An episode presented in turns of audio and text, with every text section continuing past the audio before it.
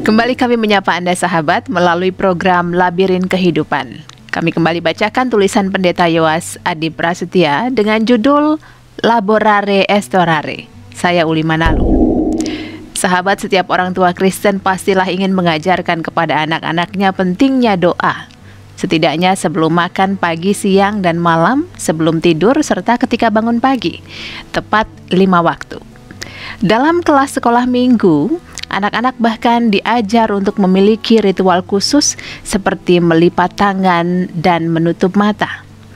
Berdoa lantas menjadi sebuah tindakan khusus pada saat yang khusus pula.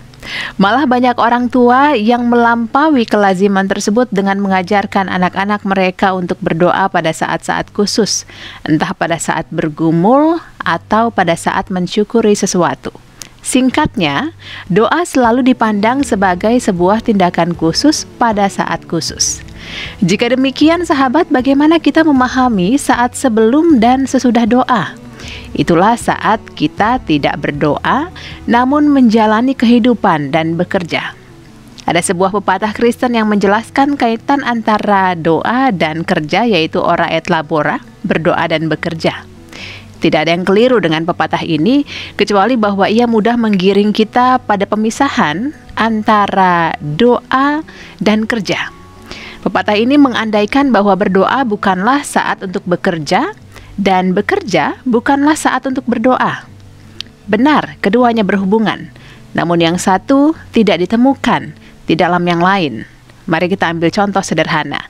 Sesaat sebelum menyantap makanan, lazimnya kita berdoa bersyukur atas makanan tersebut dan memohon berkat Tuhan agar makanan tersebut memberi kekuatan kepada kita.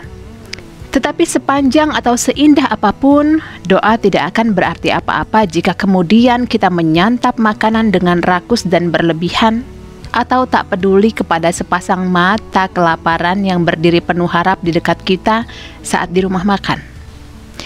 Sahabat yang kita butuhkan sekarang sesungguhnya adalah sebuah sudut pandang spiritual yang tidak memisahkan keduanya, namun memampukan kita untuk melihat yang satu di dalam yang lain.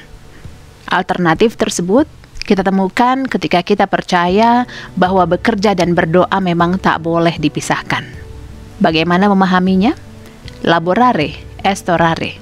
Bekerja adalah berdoa. Melalui ungkapan tersebut, fokus yang harus ditangkap bukanlah pada saat kita berdoa sebelum atau sesudah melakukan sesuatu. Fokusnya adalah bahwa kita melakukan sesuatu sebagai doa kita. Tidak ada yang salah dengan berdoa sebelum makan, kecuali jika kemudian kita makan bukan sebagai doa kita. Padahal setiap suap nasi yang kita santap adalah untayan doa kepada Allah. Demikian pun setiap suap nasi yang kita bagikan kepada sesama adalah sebuah puja-puji kepada Allah.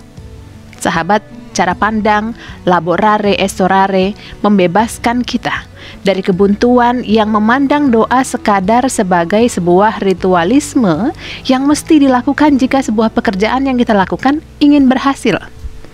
Bukankah praktik semacam ini yang dikecam oleh Amos? Amos 5 ayat 21 sampai 24. Aku membenci, aku menghinakan perayaanmu dan aku tidak senang kepada perkumpulan rayamu. Sungguh, apabila kamu mempersembahkan kepadaku korban bakaran dan korban-korban sajianmu, aku tidak suka. Dan korban keselamatanmu berupa ternak yang tambun, aku tidak mau pandang.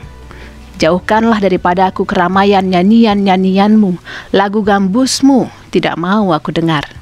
Tetapi biarlah keadilan bergulung-gulung seperti air dan kebenaran seperti sungai yang selalu mengalir.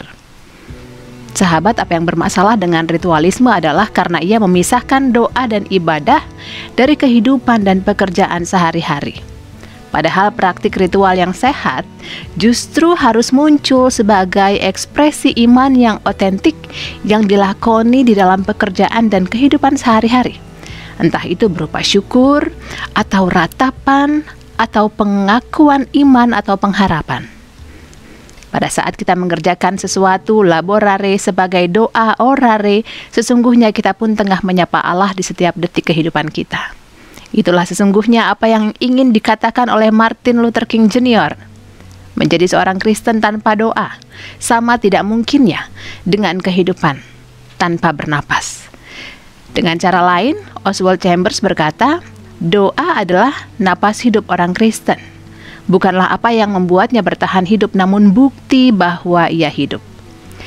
Sahabat pada ekstrim yang lain, kita juga mendapati pula bahaya aktivisme jika ritualisme menekankan secara berlebihan upacara-upacara dan mengabaikan karya, aktivisme dapat memenjara manusia ke dalam kegiatan dan kerja tanpa henti yang pada dirinya tidak punya makna spiritual apa-apa.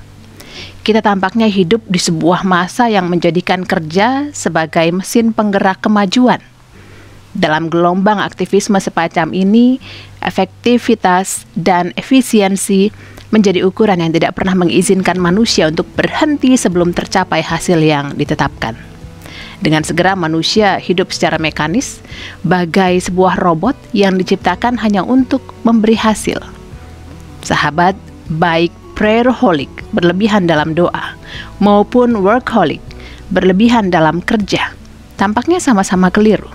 Dan kita harus mengayuh sampan kehidupan kita di antara kedua karang itu Semoga perjalanan Anda dapat terlewati dengan selamat. Terima kasih Anda sudah bersama kami dalam Labirin Kehidupan.